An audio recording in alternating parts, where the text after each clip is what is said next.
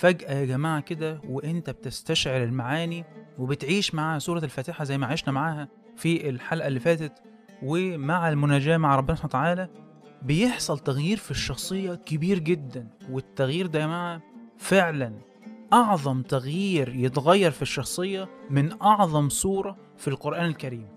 فجأة كده بتتخلى عن قدراتك وإمكانياتك وعظمتك وكبريائك لما تتعلم سورة الفاتحة. يعني إيه؟ يعني يا جماعة إحنا دايما مشغولين جدا. أنا رحت وأنا جيت أنا عملت. خلي بالك العلم اللي عندي ده أهلني إن أنا أتصرف التصرف الفلاني. أنت ما تعرفش؟ ده أنا في ألف واحد يتمناني. شفت ردي على الراجل الفلاني؟ أنا هاخد لك screenshot من الرد بتاعي عشان تشوف أنا رديت عليه قلت له إيه. كل حاجة يا جماعة عايزين نظهر إن إحنا متحكمين إن إحنا عندنا القوة إن إحنا عندنا السلطة عندنا فلوس عندنا إمكانيات. شفت عربيتي شفت فيلتي شفت الشقة اللي أنا اخترتها. كلها إعلان وإظهار أنا شخصيتي وقدرتي فيها إيه. فجأة مع سورة الفاتحة يا جماعة بتترك كل ده ورا ظهرك. وتعلن الخضوع والاستسلام الكامل لله عز وجل وإنك ما تقدرش تعمل أي شيء إلا لما يأذن ربنا سبحانه وتعالى. وإنك لا تملك شيء لنفسك وإنك بتقول يا رب اهديني للصراط المستقيم وصبرني عليه والصراط اللي أنت تختاره مش اللي أنا أختاره. وشوفوا يا جماعة الله عز وجل بيقول في الحديث القدسي عشان بس نفهم معنى يعني إيه؟ إني أنا بترك كل شيء وأعلن الخضوع والاستسلام. الله عز وجل بيقول في الحديث القدسي يا عبادي إني حرمت الظلم على نفسي وجعلته بينكم محرما فلا تظالموا. يا عبادي كلكم ضال إلا من هديته. فاستهدوني أهدكم. يا عبادي كلكم جائع إلا من أطعمته فاستطعموني أطعمكم.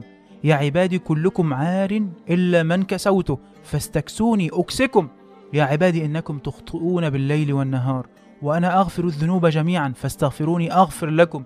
يا عبادي إنكم لن تبلغوا ضري فتضروني ولن تبلغوا نفعي فتنفعوني. يا عبادي لو أن أولكم وآخركم وإنسكم وجنكم كانوا على أتقى قلب رجل واحد منكم ما زاد ذلك في ملكي شيئا. يا عبادي لو أن أولكم وآخركم وإنسكم وجنكم كانوا على أفجر قلب رجل واحد منكم ما نقص ذلك من ملكي شيئا. يا عبادي لو أن أولكم وآخركم وإنسكم وجنكم قاموا في صعيد واحد فسألوني فأعطيت كل واحد مسألته. ما نقص ذلك مما عندي إلا كما ينقص المخيط إذا أدخل البحر. يا عبادي إنما هي أعمالكم أحصيها عليكم ثم أوفيكم إياها. فمن وجد خيرا فليحمد الله ومن وجد غير ذلك فلا يلومن إلا نفسه. والحديث رواه الإمام مسلم. فأنت بتعلن خضوعك واستسلامك الكامل لهذا الإله العظيم اللي بيقول لك مفيش حد بيقدر يعمل أي حاجة ولا ياكل ولا يشرب ولا يلبس ولا يعمل أي حاجة إلا لما أنا أأذن. والتغيير يا جماعة ده اللي بتحدثه سورة الفاتحة في شخصيتنا لو ما حصلش إحنا فعلا نضيع. سورة الفاتحة يا جماعة بتنزع الكبر من قلوبنا ومن شخصيتنا وبتجعلك تستسلم وتتلقى الأوامر من الله عز وجل وده لو ما حصلش إحنا يا جماعة فعلا بنهلك وإحنا كلنا عارفين يا جماعة كلنا تعبانين جدا من الدنيا وكلنا بنلف ونروح ونيجي وعندنا مشاكل كتيرة جدا وتعبانين جدا منها. ولو ما كانش في استسلام وانقياد لأوامر ربنا سبحانه وتعالى كتير مننا عارف قد إيه هو بيتعب لما بيبعد في الطريق وبيضل في الطريق وبيمشي في مشاكل كبيرة جدا ومخدرات وبنات. أحداث في الحياة كتير جدا كل واحد فينا عارف أثرها على قلبه وعلى شخصيته والتعب والمعاناة اللي بيقابلها ويعانيها. فلولا هذا التغيير اللي بتحدثه سورة الفاتحة في الشخصية إحنا فعلا نضيع يا جماعة. وزي ما هنشوف اللي جاي بعد سورة الفاتحة شيء مهول. منهج في منتهى القوة. لا تستطيع الشخصية العادية إن هي تتلقى هذا المنهج وتنقاد ليه وتحارب عشان تطبيقه وتحرص على توصيله للعالم كله. فلازم في أول القرآن الكريم مع أعظم سورة في القرآن الكريم إن هي تحدث هذا التغيير إن الشخصية تعلن خضوعها واستسلامها للآمر لله عز وجل علشان تقدر تتلقى المنهج اللي, هن... اللي هنشوفه في سورة البقرة وسورة آل عمران والنساء والمائدة. تشريع مهول يا جماعة مش أي شخصية إن هي تتلقاه. هو إحنا بنتكلم دلوقتي عن القرآن بقى إن هو قوة تغيير كبيرة جدا. أول تغيير أحدثته في الشخصية إن خلتك أمام عظمة ربنا سبحانه وتعالى تعلن ضعفك وخضوعك واستسلامك. أمام حكمة ربنا سبحانه وتعالى تعلن إن أي أوامر هي فيها مصلحتك. أمام القوي الغني لازم تعلن ضعفك وفقرك. يبقى هذه القوة لما تأمر أنت هتنفذ. لما هتنزل أحكام الأحكام دي هتتبع. لما تؤمر أن أنت تبذل حتى حياتك في سبيل المنهج وبقاء هذا المنهج هتبذل هو ده التغيير اللي بيحصل في الشخصية والأول مرة بنترك يا جماعة كبريائنا وعظمتنا ومكانتنا ووظيفتنا المرموقة كل ده بنسيبه لما نيجي نقف بين إيدين رب العالمين ونتعلم في كل يوم إن إحنا نقف الوقفة دي ونطلب ونتكلم مع ربنا سبحانه وتعالى بهذا الذل وهذا الانكسار اللي بتعلمه فينا وتتركه فينا. سورة الفاتحة في تغيير تاني يا جماعة؟ بتحدثه سورة الفاتحة فينا إنك لما تتعامل مع العظيم لازم يبقى التعامل بقدر هذه العظمة.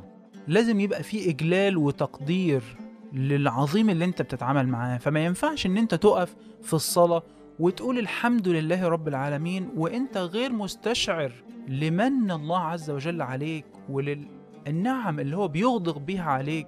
وعظمة هذا الإله رب العالمين لأنك بتصرفك ده مش بتقدر عظمة ربنا سبحانه وتعالى اللي هو يعلم مكنون قلبك وعارف أنت واقف قدامه بتقول بلسانك بس وقلبك فين ومركز مع إيه فالتعامل يا جماعة التعامل مع العظيم يبقى على قدر هذه العظمة لما الله عز وجل هينزل أوامر الاستسلام الكامل لما الله عز وجل ينزل أحكام الاستسلام الكامل ليه؟ على قدر هذا العظيم على قدر تعظيمي لأوامره ونواهيه. اللي هيأمر إن أنا أنتهي عنها يبقى هنتهي. اللي هيأمر إن أنا أتبعه يبقى هتبعه. النهاردة يا جماعة اتكلمنا عن أثر أعظم سورة في القرآن الكريم على الإنسان. أثر سورة الفاتحة على شخصية البني آدم اللي هو بيتلقى هذه السورة. شفنا إن من أول سورة في ملامح بتتغير في الشخصية اللي بتتلقى القرآن الكريم وشفنا أثر سورة الفاتحة فينا وإزاي إن هي بتكسر الكبرياء والعظمة اللي جوه الشخصية وبتحدث تغيير وبتجعل الشخصية فيها خضوع وذل واستسلام لله بشكل كبير جدا وده بيأثر في كل حياتنا يا جماعة في كل عبادتنا في علاقتنا مع ربنا سبحانه وتعالى في تلقينا للمنهج الإسلامي. أسيب لحضراتكم لينك لحلقة مبدعة من الأستاذ أحمد الشقيري في تجربة رائعة فعلا. وربنا سبحانه وتعالى يتقبل منه عن أثر للخشوع في الصلاة وقراءة سورة الفاتحة بشكل فيه خضوع لله عز وجل أثر حسي يا جماعة حتى الأثر المادي بتتركه على شكل المخ. وهنشوف في تجربة عملها مع دكتور غير مسلم والحلقة الحمد لله مترجمة للغة الإنجليزية تجربة بتظهر أثر الخضوع والخشوع في الصلاة على مخ الإنسان. فيبقى الفاتحة تترك أثر سبحان الله في الشخصية وتترك كمان أثر مادي. شيء عظيم يا جماعة شيء مهول. لعل الله عز وجل يتقبل منا جميعا. سبحانك اللهم ربنا وبحمدك نشهد أن لا إله إلا أنت نستغفرك ونتوب إليك. والسلام عليكم ورحمة الله وبركاته.